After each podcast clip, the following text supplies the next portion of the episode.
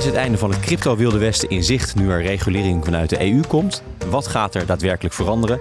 En voor wie loont het nog in de crypto-business te stappen? Mijn naam is Koos Tevoren en dit is Stibbe Legal Insights. Uh, deze aflevering duiken we in MICAR, de Markets in Crypto Assets Regulation. Dat is het eerste Europese wetgevingspakket voor het reguleren van crypto's en aan crypto's gerelateerde diensten. En dat is nodig, want hoewel crypto's veel voordelen bieden, is er ook het een en ander misgegaan met digitale munten. Enerzijds de grote schandalen bij handelsplatform FTX en anderzijds het inzetten van anonieme crypto voor allerlei schimmige zaken. Maar er komt dus wetgeving om dit soort praktijken te voorkomen. Ik praat erover met de advocaten van Stibbe, Roderick Vrolijk en Maarten Wekenborg. Welkom allebei. Dankjewel. Dankjewel. Ja, eerst even eh, dat crypto. Hè, dat is, eh, we kennen het natuurlijk allemaal als begrip. Je ziet er veel eh, over voorbij komen in het nieuws. Maar ik denk niet dat iedereen daarin handelt of precies begrijpt wat het nou precies is. Waar hebben we het over als we het over crypto hebben, Roderick? Uh, bij crypto heb je het over een digitale vertegenwoordiging van een waarde of een recht. Uh, bij een waarde kan je denken aan een uh, digitale vertegenwoordiging van bijvoorbeeld een dollar, heb je een e-money token. En bij een digitale vertegenwoordiging van een recht heb je bijvoorbeeld een token die ziet op een bepaald vastgoedobject. Dus ik wil een huis kopen en ik verdeel dat in duizend tokens. Nou, die tokens vertegenwoordigen dan een, een, deelname in dat vastgoedobject. en daarbij wordt gebruik gemaakt van distributed ledger technology, bijvoorbeeld de blockchain of andere technologieën. En dan heb je het over crypto. En daar is dus een hele business omheen ontstaan. Ja, dat is de laatste eh, jaren eigenlijk, denk ik, sinds de, de eerste publicatie van, uh, van Bitcoin in, in 2009. En de grote belofte die daarmee is samengegaan, is daar een enorme markt om ontstaan. Met een heel grote variëteit aan, aan spelers. Uh, van klein tot groot, professioneel tot minder professioneel. Maar er is in ieder geval heel veel innovatie geweest in die markt. Ik denk dat een aantal partijen, eh, zeker voor, voor de MICAR, relevant zijn om eventjes te benoemen wie daar nou allemaal um, in, dat, in dat veld zitten. Mm kijk, iedereen kent denk ik wel de, de grote namen van de uitgevers van, uh, van de coins. Dat zijn bijvoorbeeld nou ja, Bitcoin zelf, Ethereum, maar ook meme coins zoals de Dogecoin of andere uh, nou ja, ook wel shitcoins uh, genoemd. Gewoon coins die eigenlijk nergens op slaan. Coins die nergens op slaan, maar toch een bepaalde claim vertegenwoordigen. Of in ieder geval een, een deeltje van een blockchain vertegenwoordigen. En daardoor uh, geld waard zouden zijn. maar je hebt dus die, die muntaanbieders. Um, je hebt ook de... Nou ja, ze worden in de, de crypto space de, de hedge funds genoemd. We zouden ze ook wel kennen als, als ja, vermogensbeheerders. Dus grote partijen die portfolio's aan, aan crypto's beheren voor, voor klanten. Um, daar zien we de laatste tijd dat er steeds meer ook grote gevestigde financiële partijen instappen. Die zelf een cryptofonds uh, beginnen en dat uh, steeds wijdverbreider um, delen. Um, en maar je ziet ook in, de, in de cryptomarkt, en dat is denk ik een ontwikkeling van de laatste tijd, die daar een beetje uit voortvloeit, dat gewone financiële partijen zich ook mengen in het debat met, ja, noem het even, gewone financiële producten die op de, de DLT-technology worden gedeeld. Dus ABN AMRO bijvoorbeeld afgelopen jaar voor het eerst een, uh, ja, een gewone obligatie gedeeld op de, op de uh, blockchain-achtige technologie. Um, en je hebt natuurlijk alle partijen die daaromheen zitten, die het hele boel faciliteren. De, de beurzen, Binance um, bijvoorbeeld. de miners die zorgen voor de, de afwikkeling van de transacties. Je hebt de, de partijen die een, wallet aanbieden waar je, crypto's in kan bewaren. De hele infrastructuur daaromheen. Ja, er is een hele infrastructuur omheen ontstaan in korte tijd dan kan je op zich al voorstellen dat er misschien wat, wat misgaat als het allemaal zo snel groeit. Dat is natuurlijk ook gebeurd. Ik noem het in de intro al even. Er zijn nogal wat mislukkingen en schandalen geweest. Ja, wat zijn de, de meest memorabele mislukkingen en schandalen die we hebben gezien de afgelopen tien jaar? Ja, die komen eigenlijk in allerlei ja, vormen en maten. Maar ik denk een van de belangrijkste mislukkingen die ook heel veel aandacht heeft gekregen is uh, ja, het faillissement van FTX. Uh, mislukte ICO's, waarbij mensen hun spaargeld hebben gestoken in zo'n initial coin offering, waarbij uiteindelijk de onderliggende waarde er niet bleek te zijn. Uh, gewoon als een munt op de markt wordt gebracht. Ja, dus je investeert zoals je normaal gesproken in een IPO zou doen, initial public offering, waar het om aandelen gaat, gaat het hier om initial coin offerings. En stoppen mensen hun geld in zo'n ja, uitgifte van zo'n digitale munt. Uh, en daar is wel heel erg vaak gebleken dat daar wat daarachter zat niet was wat was voorgespiegeld aan die investeerder. En dat het bijvoorbeeld een Ponzi-scheme was waarbij mensen enorme uh, rendementen werden voorgespiegeld. En uiteindelijk die rendementen initieel werden betaald uit de inleg van anderen. Maar op een moment gaat dat mis. Ja, dat is denk ik een, uh, als je kijkt naar een aantal ICO's, echt gruwelijk misgegaan. Dus die mensen zijn al hun geld kwijt.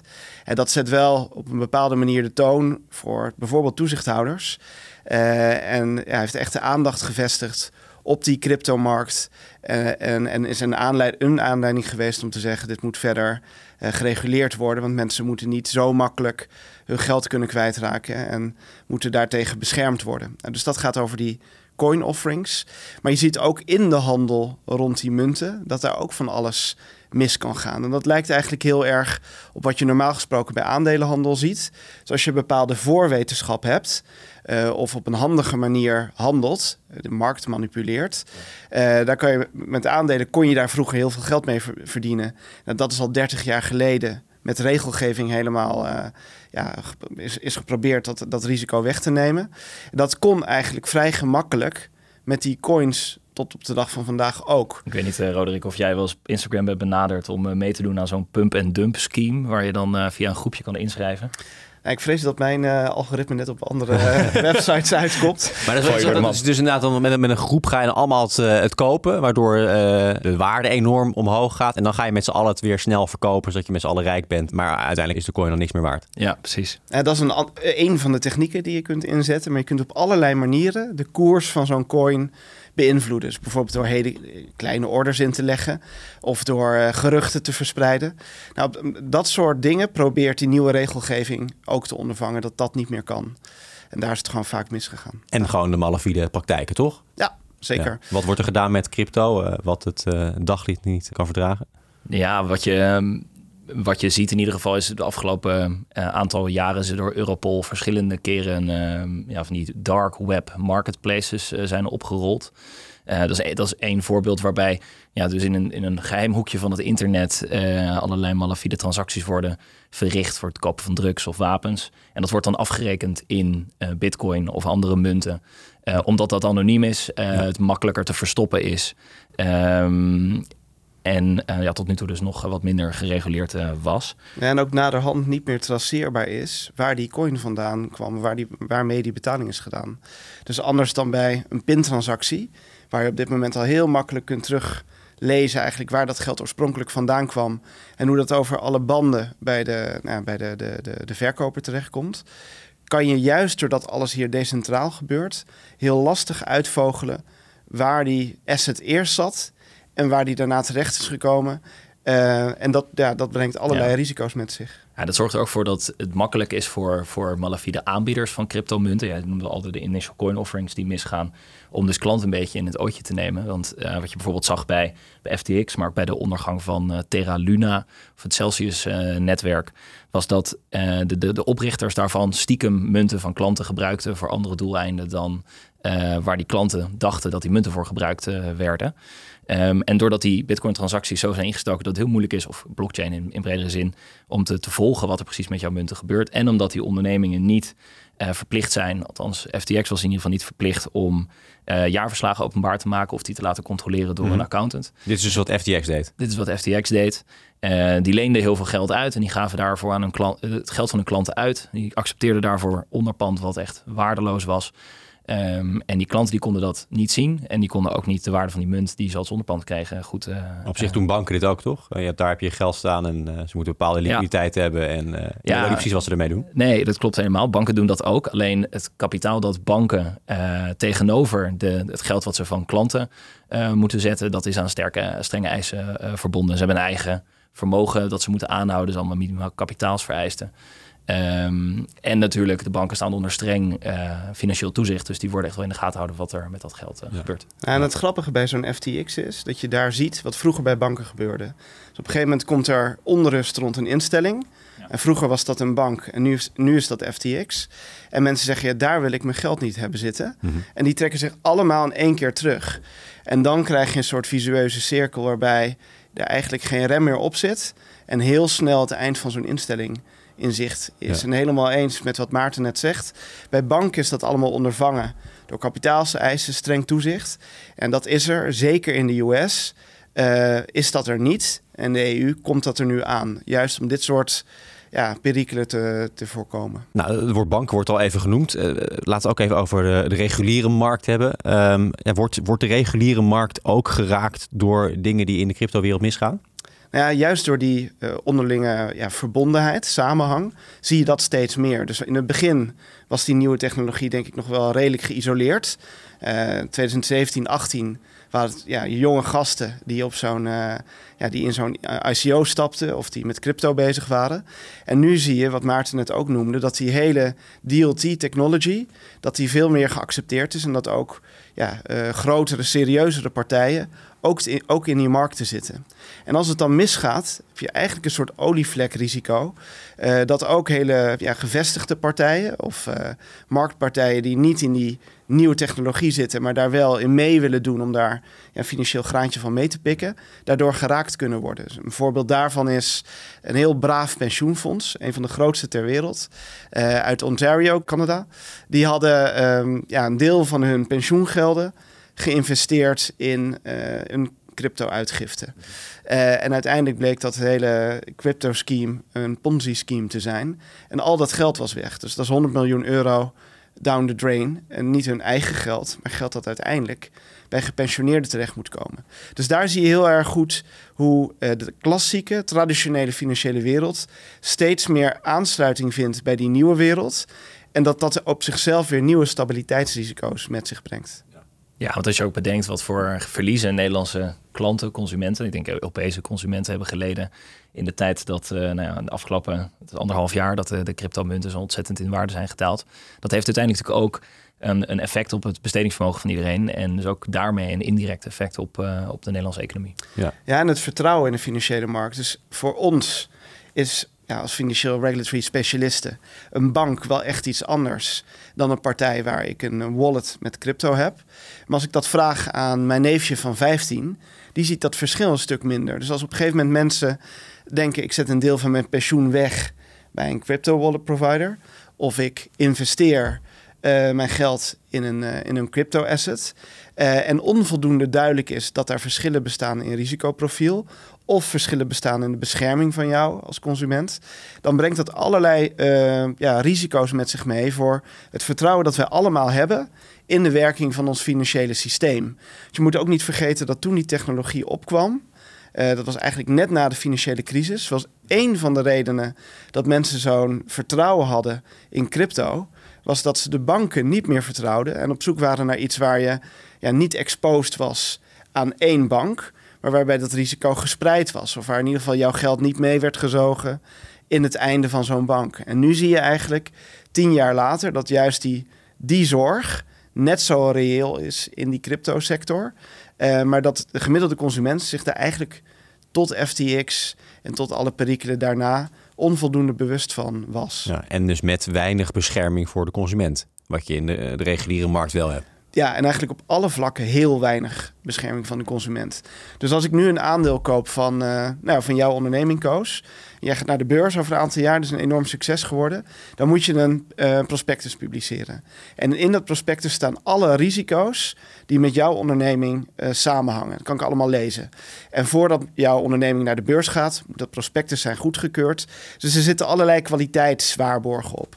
Nou, al dat soort waarborgen heb je niet bij een crypto-uitgifte. Dus je moet iemand op zijn bruine ogen geloven. Um, ja, als je, als je zo'n investering doet in een crypto. En ik denk dat dat een heel belangrijk element is. Dat moet worden rechtgezet om die crypto-industrie uh, en ja, de, de, de, de regulering daarvan tot eenzelfde niveau, of in ieder geval een vergelijkbaar niveau te tillen, als dat je dat bij andere financiële producten ziet, die al heel lang aan heel specifieke eisen moeten voldoen voordat je daar als consument je geld in kan stoppen. Ja, in het begin was crypto natuurlijk een beetje high risk, high reward. Je wist eh, als je er geld in investeert dat het misschien kan verdwijnen, maar misschien word je wel heel erg rijk mee. Maar blijkbaar raakt nu ook gewoon de normale burger en pensioenen. Is dat ook de reden waarom er nu Europese wetgeving komt? Nou, ik denk dat dat één van de redenen is. Een van de allerbelangrijkste redenen is een andere. En dat is het beschermen van ons hele financiële stelsel tegen malafide partijen En het gebruik van ons financiële stelsel, bijvoorbeeld door partijen die uh, door sancties getroffen zijn. Of door uh, ja, lieden, zoals jij ze net noemde, die uh, bijvoorbeeld wapens willen kopen en dat op een anonieme manier willen doen. Dus de allerbelangrijkste reden is eigenlijk um, regelgeving die meer op integriteit ziet van ons financiële stelsel. En die, die ervoor zorgt dat mensen die in die cryptowereld stappen, dat, de, dat de, de, de dienstverleners weten wie dat zijn. Um, en dat je ook weet ja, waar dat vermogen vandaan komt. Nou, een tweede reden is dat, dat marktmisbruikpunt dat ik noemde. Je kan die crypto heel makkelijk gebruiken om uh, ja, op, op, een, op een manipulatieve manier geld te verdienen. Je noemde pump en dump, maar je hebt allerlei strategieën om dat te doen. Nou, dat uh, te beschermen, eigenlijk die risico's weg te nemen. Um, en tot slot, ja, de, de consumentenbescherming die jij noemde, Koos. Uh, zorgen dat partijen die in zo'n uh, product hun geld stoppen, weten waar ze aan toe zijn. Uh, weten wat de risico's zijn die samenhangen met dat product. en ook ja, zorgen dat de partijen die die diensten aanbieden, dat die stevig zijn. Dus aan kapitaalseisen voldoen, dat hun governance op orde is. en dat die eigenlijk aan dezelfde of heel vergelijkbare eisen moeten voldoen als banken of betaalinstellingen die al heel lang gereguleerd zijn.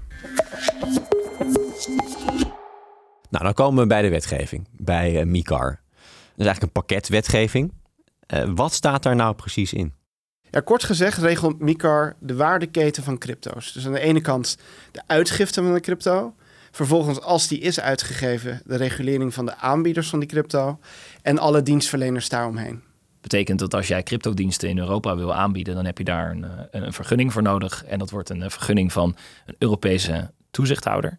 Dat betekent dat als je die vergunning wil aanvragen, dat je aan een hele trits eisen moet voldoen. En dat je, je bedrijfsvoering zo moet inrichten dat de integere en beheerste bedrijfsvoering wordt gewaarborgd.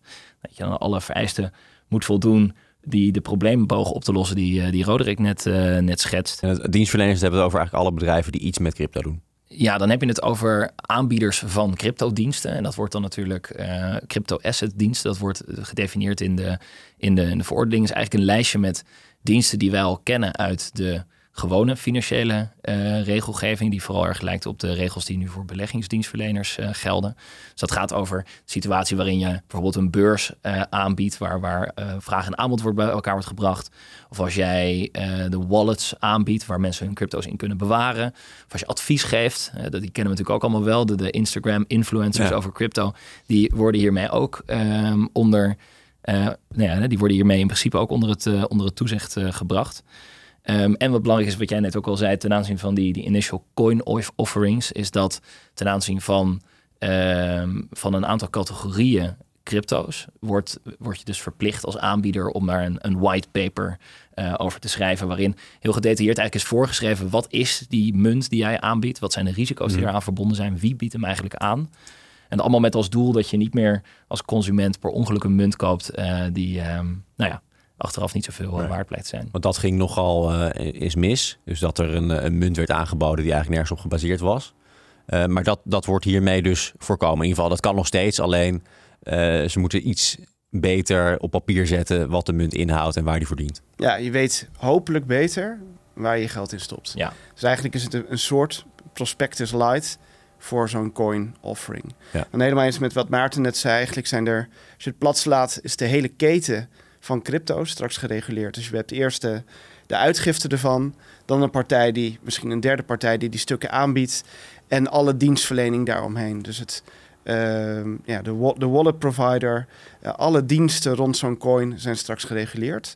En om te zorgen dat het vanaf de ingang goed gaat, is ook de initial coin offering. Er zijn daar eisen aangesteld uh, in de documentatie, in het, uh, ja, het, het, duidelijk maken van de risico's die met die offer, offering samenhangen. Um, afhankelijk van het type instrument dat wordt aangegeven, legt die regelgeving uit waar die whitepaper aan moet voldoen. En misschien nog één wat ik heel interessant vond om te zien is dat je hebt de, de MICAR identificeert drie verschillende soorten uh, crypto's. Je hebt de, de asset reference tokens die verwijzen naar een specifiek soort uh, activa, een, soort stukje eigendom. En dan heb je de, de overige crypto die worden gereguleerd en je hebt de electronic money tokens. En dat is eigenlijk een soort uh, stablecoin zoals we die kennen, die ook wel spectaculair zijn fout gegaan. Zonder onder andere dat Luna-voorbeeld wat ik eerder noemde. Waarbij je dus belooft, deze munt is altijd 1 dollar waard. Ja. Ehm, en de aanbieders van dat soort munten die komen eigenlijk onder nog wat strenger toezicht van. Want er staat dat dat soort munten alleen mogen worden aangeboden door banken of door uh, vergunde elektronisch geldinstellingen. Dus die mensen echt die al aan een uh, iets hogere standaard uh, moeten voldoen. Ja, want die, sommige stablecoins die waren uiteindelijk niet zo heel erg stabiel. Ja, klopt. Dat klopt. Ja, en, en waar ze ook in voorzien is zorgen dat je ook echt assets zet tegenover die offering. Dus stel je voor dat je um, zo'n stablecoin offering doet en je hebt zegt die, die volgt de waarde van de dollar. Uh, dat ook is voorzien in uh, dat tenminste 30% van de waarde die is uh, ingelegd als deposits in dollar wordt aangehouden. Om te voorkomen dat als iemand uiteindelijk zijn geld er weer uit wil halen, dat het gebakken lucht blijkt, blijkt te zijn. Dus ook de, de vormgeving van dat instrument, daar stelt die regelgeving ook allerlei eisen aan. Kan iedereen nog wel een, een, een munt bedenken, oprichten, uitgeven? Dat, dat wordt op zich niet tegengehouden? ik denk wel dat het een beperkt aantal partijen is die dit nog kan doen. Omdat als je kijkt naar de lange, uh, lange lijst eisen die ervoor geldt, um, moet je wel van goede huizen komen om al, al die eisen te snappen. Uh, en je bedrijfsvoering daarbij te laten aansluiten. Dus inderdaad, tot nu toe kon iedereen vanmiddag aan de slag en misschien wel morgen een initial coin offering doen. Ik denk dat met deze regelgeving dat echt heel ingewikkeld is geworden. En dat alleen professionals uh, die die eisen snappen. Uh, en die ook een, ja, een, een, een, onderneming hebben die daaraan kan voldoen. Uiteindelijk nog een ICO kunnen doen of de diensten rond crypto's kunnen verlenen. Dus dat, dit, dit vergt echt een enorme professionaliseringsslag ja. voor heel veel partijen. Dus uiteindelijk minder partijen gaan hiermee bezig en starten zo'n coin. Maar wat zijn andere doelen die Brussel hiermee heeft? dat is tweeledig. Ik denk aan de ene kant de beschermen van de belangen die we al eerder eh, bespraken. Dus de integriteit van de markt, de stabiliteit van de financiële sector, de bescherming van klanten. Ehm, de wat meer klassieke um, doelen van het financiële toezichtsrecht. Wat ik heel, zelf heel interessant vind, is dat de Europese Commissie dit pakket ook presenteert als een manier om innovatie te bevorderen. Uh, terwijl je, nou ja, wat we nu net concluderen, is ik ook best kunnen zeggen dat het veel moeilijker wordt om nu uh, nieuwe cryptodiensten aan te gaan bieden. Uh, maar zij zeggen, en, en ik, ik, ik heb, vind daar zelf ook wel wat voor te zeggen, dat juist om het door het in het financiële toezicht te brengen, wordt het makkelijker om lange termijn investeringen te maken, om klanten voor een lange termijn aan je te binden. En wordt het makkelijker om in heel Europa zaken te doen, waardoor dus die innovatie um, aangewakkerd zou moeten worden. Ja, je, trekt dus ook meer investeringen misschien uit het reguliere eh, circuit. Ja. ja. je sluit als het ware deze hele industrie aan op de bestaande financiële wereld. En daar komen ook allerlei kansen mee. Dus uh, bijvoorbeeld toegang tot bankrekeningen. Op dit moment is ja, crypto nog steeds wel een beetje een schimmige sector voor banken om te bedienen. Als zij straks onder toezicht staan, kan je eigenlijk die twee rails veel makkelijker op elkaar aansluiten. En dat kan een, best wel een soort van vliegwiel-effect hebben. Uh, dat zodra die koppeling er komt, het ook een veel ja, geaccepteerder middel wordt, een veel geaccepteerdere industrie. Dat er inderdaad meer geld vrijkomt voor investeringen. En dat eigenlijk de tweede groeifase daarmee eh, wordt ingezet. Dus de eerste is nieuwe technologie, disruptive. Eigenlijk uh, keert zich af tegen de bestaande financiële sector. Nou, nu heeft het die eerste groei doorgemaakt met alle groeistuipen die daarbij horen. Uh, wordt het enigszins acceptabel, ook voor bestaande partijen, om in die cryptowereld te stappen. En komt precies op dat moment die nieuwe regelgeving, die crypto eigenlijk salonveeg maakt voor de hele financiële sector. Ja, het is wel leuk dat je dat zegt. Ik was aan het, uh, een beetje onderzoek aan het doen natuurlijk voor, voor deze podcast naar wat, wat mensen op het internet ook weer allemaal schrijven over, over uh, bitcoin en crypto's. En als je crypto en bank in Nederland googelt, dan kom je al heel snel op allerlei fora terecht waar uh, uh, de deelnemers van de fora met elkaar bespreken hoe je bij ING of bij Rabobank je crypto's van beurzen uh, op je eigen rekening naar een andere rekening kan krijgen. Um, en niet dat dat uh, natuurlijk illegaal is, maar meer de, banken zijn er heel streng op. Dus het wordt heel erg met elkaar tips gewisseld over waar kan het wel, hoe moet je het aanpakken, uh, waar moet je op letten. Dus dat vond ik wel opvallend. En door deze regelgeving zou dat natuurlijk allemaal, dat soort zorgen uh, weg moeten worden genomen. En hoe zit het met de bestaande handelshuizen en cryptobeurzen? Wat verandert er voor hen? Nou, ik denk dat er al heel veel veranderd is. Als je kijkt naar Binance of uh, Coinbase, grote internationale partijen die uh, nou ja, op je Instagram een profiel of Facebook voorbij komen en die cryptodiensten aanbieden. Die hebben echt het deksel op hun neus gehad van, de, van DNB, de Nederlandse bank. Die konden Nederland al heel lastig in. Um, wat je nu gaat zien is dat die partijen, om diensten in de hele EU te kunnen aanbieden, ergens in de EU een plek moeten gaan zoeken en zo'n vergunning moeten aanvragen. En als ze die dan hebben, wat Maarten net al noemde, kan je op basis van een paspoort, dus een soort van ja, papiertje waarmee je eerst de vergunning haalt in één land, kan je met dat paspoort in alle 26 andere EU-lidstaten die diensten ook aanbieden. Dus het vergt eerst een investering, grote investering, want een complexe vergunning die je moet halen. En vervolgens heb je ja, 400 miljoen klanten potentieel die je met die ene vergunning kunt bedienen. Uh, dus dat vergt nu kijken naar je businessmodel. Wat heb ik en wat vergt die nieuwe regelgeving? Die MICAR, wat vergt dat van me? Uh, nou, die vergunning aanvragen en alle beleidsstukken die daarbij horen schrijven.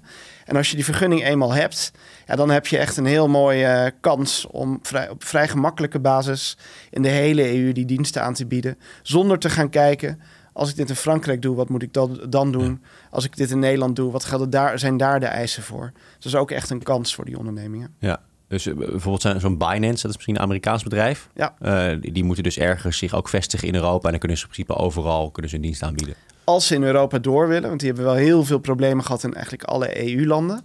Moesten van ver komen. Maar als zij hun diensten straks willen aanbieden vanaf 2025 als MICAR er is, dan moeten ze ergens in de EU een onderneming opzetten, die vergunning aanvragen en dan aan al die eisen voldoen. Mhm. En dan kunnen ze de markt, uh, de markt weer op. hoe staan ze hier tegenover dan? Dus aan de ene kant kunnen ze straks overal in Europa ondernemen als ze in één land een vergunning binnenhalen. Anderzijds ja, is het ook alweer een hogere drempel.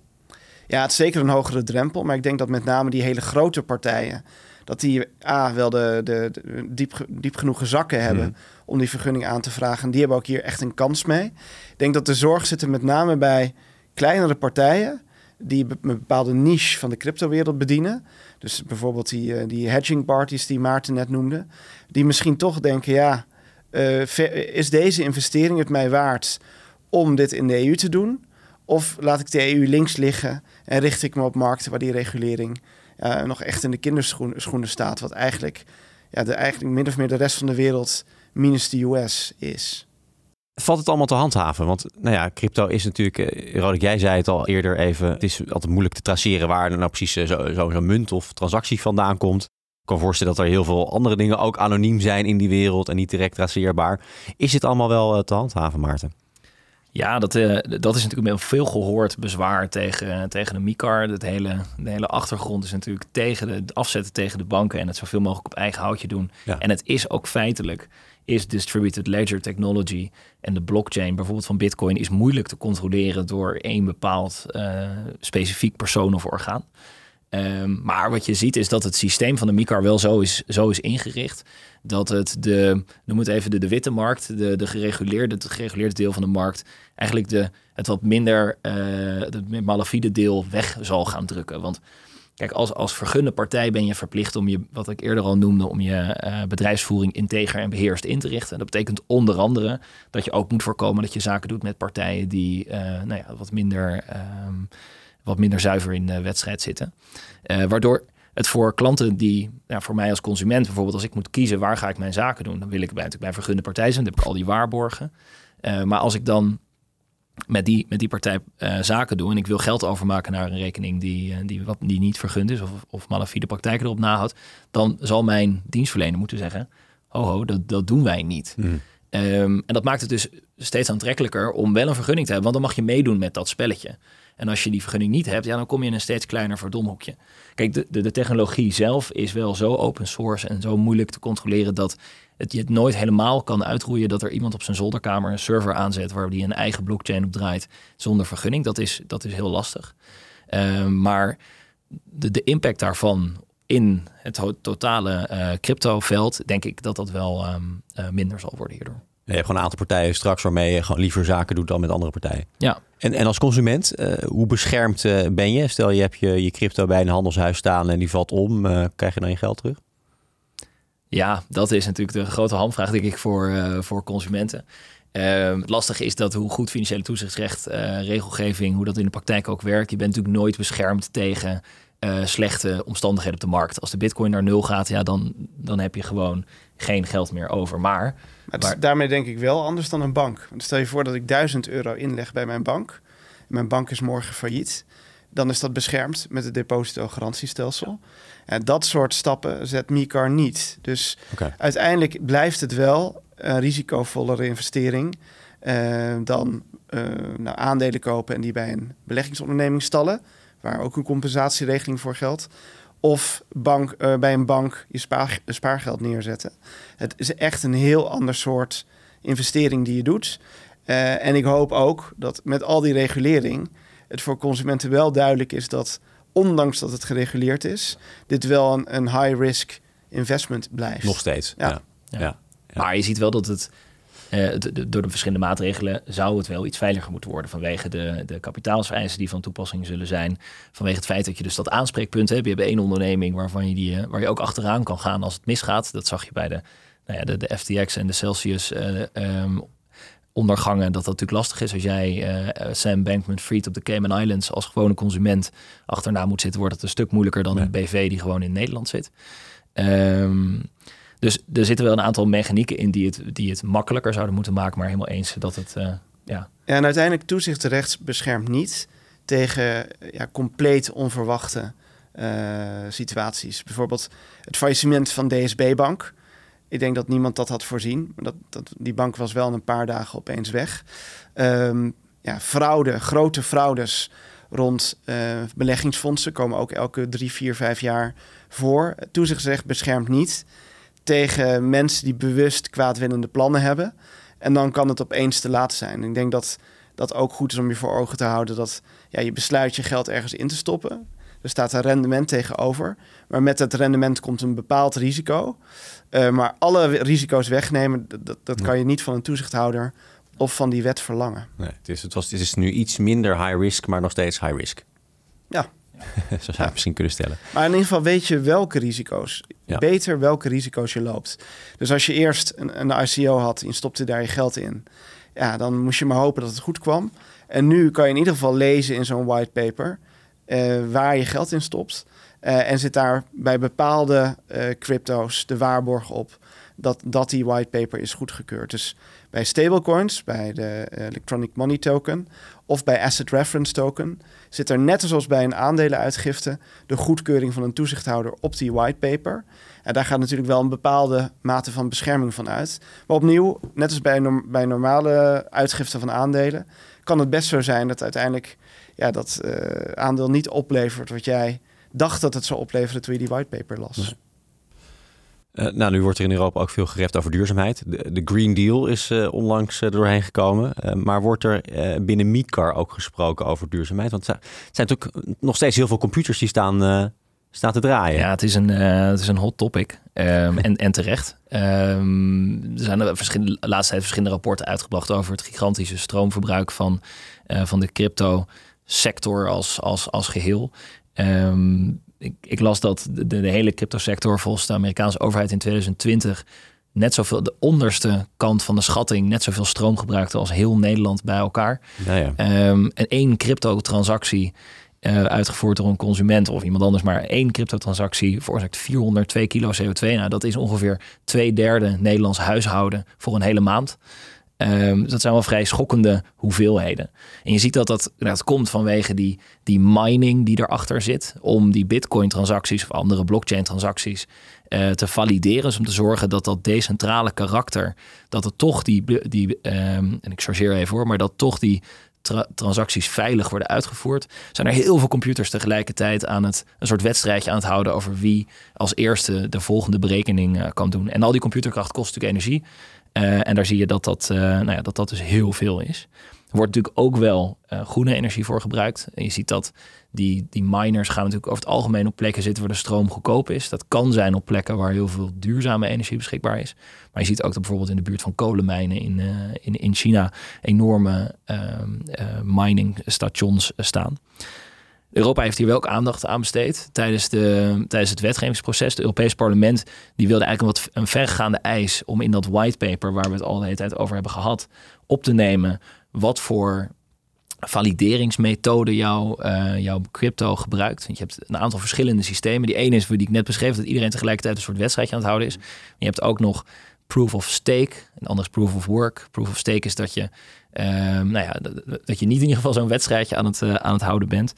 Um, en de insteek van het Europees Parlement was dat je in dat whitepaper moet schrijven welk valideringsmethode gebruik je. Mm En wat is de impact daarvan op het milieu? Uh, en dat die toetsing, dat ook laten toetsen door een externe uh, partij. Nou, helaas is dat laatste, wat mij betreft helaas, is dat laatste deel niet uh, door, door het hele wetgevingsproces heen gekomen. Maar je moet wel in het whitepaper dus rapporteren over duurzaamheid. Ja. ja. Maar verder zonder consequenties. Je moet daar iets over zeggen. Het is voorlopig een rapportageverplichting, ja.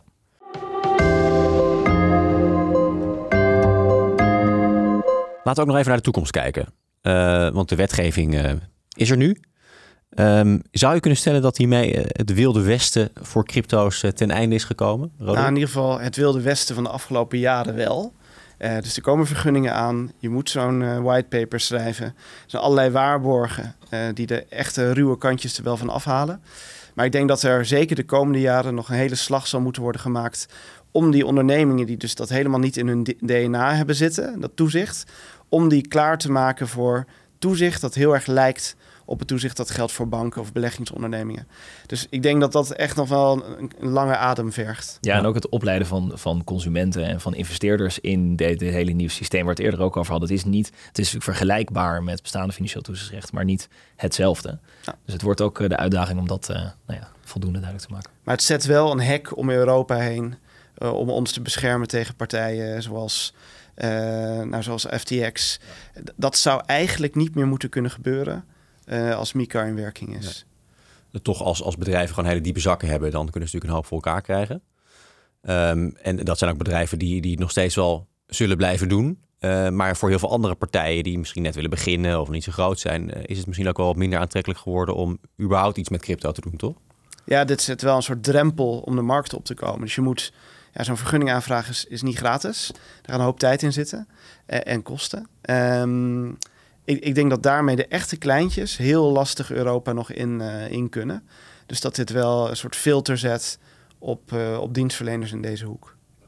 Ja, maar je zou bijvoorbeeld wel kunnen zien dat um, in, in, het in, het buitenland de hele kleintjes die een mooi product aan het ontwikkelen zijn, uiteindelijk uh, door Euro Europese crypto asset providers, service providers worden opgepikt. Ja. en misschien of het business idee kopen of, of de onderneming helemaal overnemen. Zodat dat uiteindelijk ook uh, in Europa wordt uh, doorgevoerd. Ja, maar dat is wel jammer, want dan zit die innovatie niet meer in de EU. Dat klopt. En dan moet je die uh, ja, aankopen.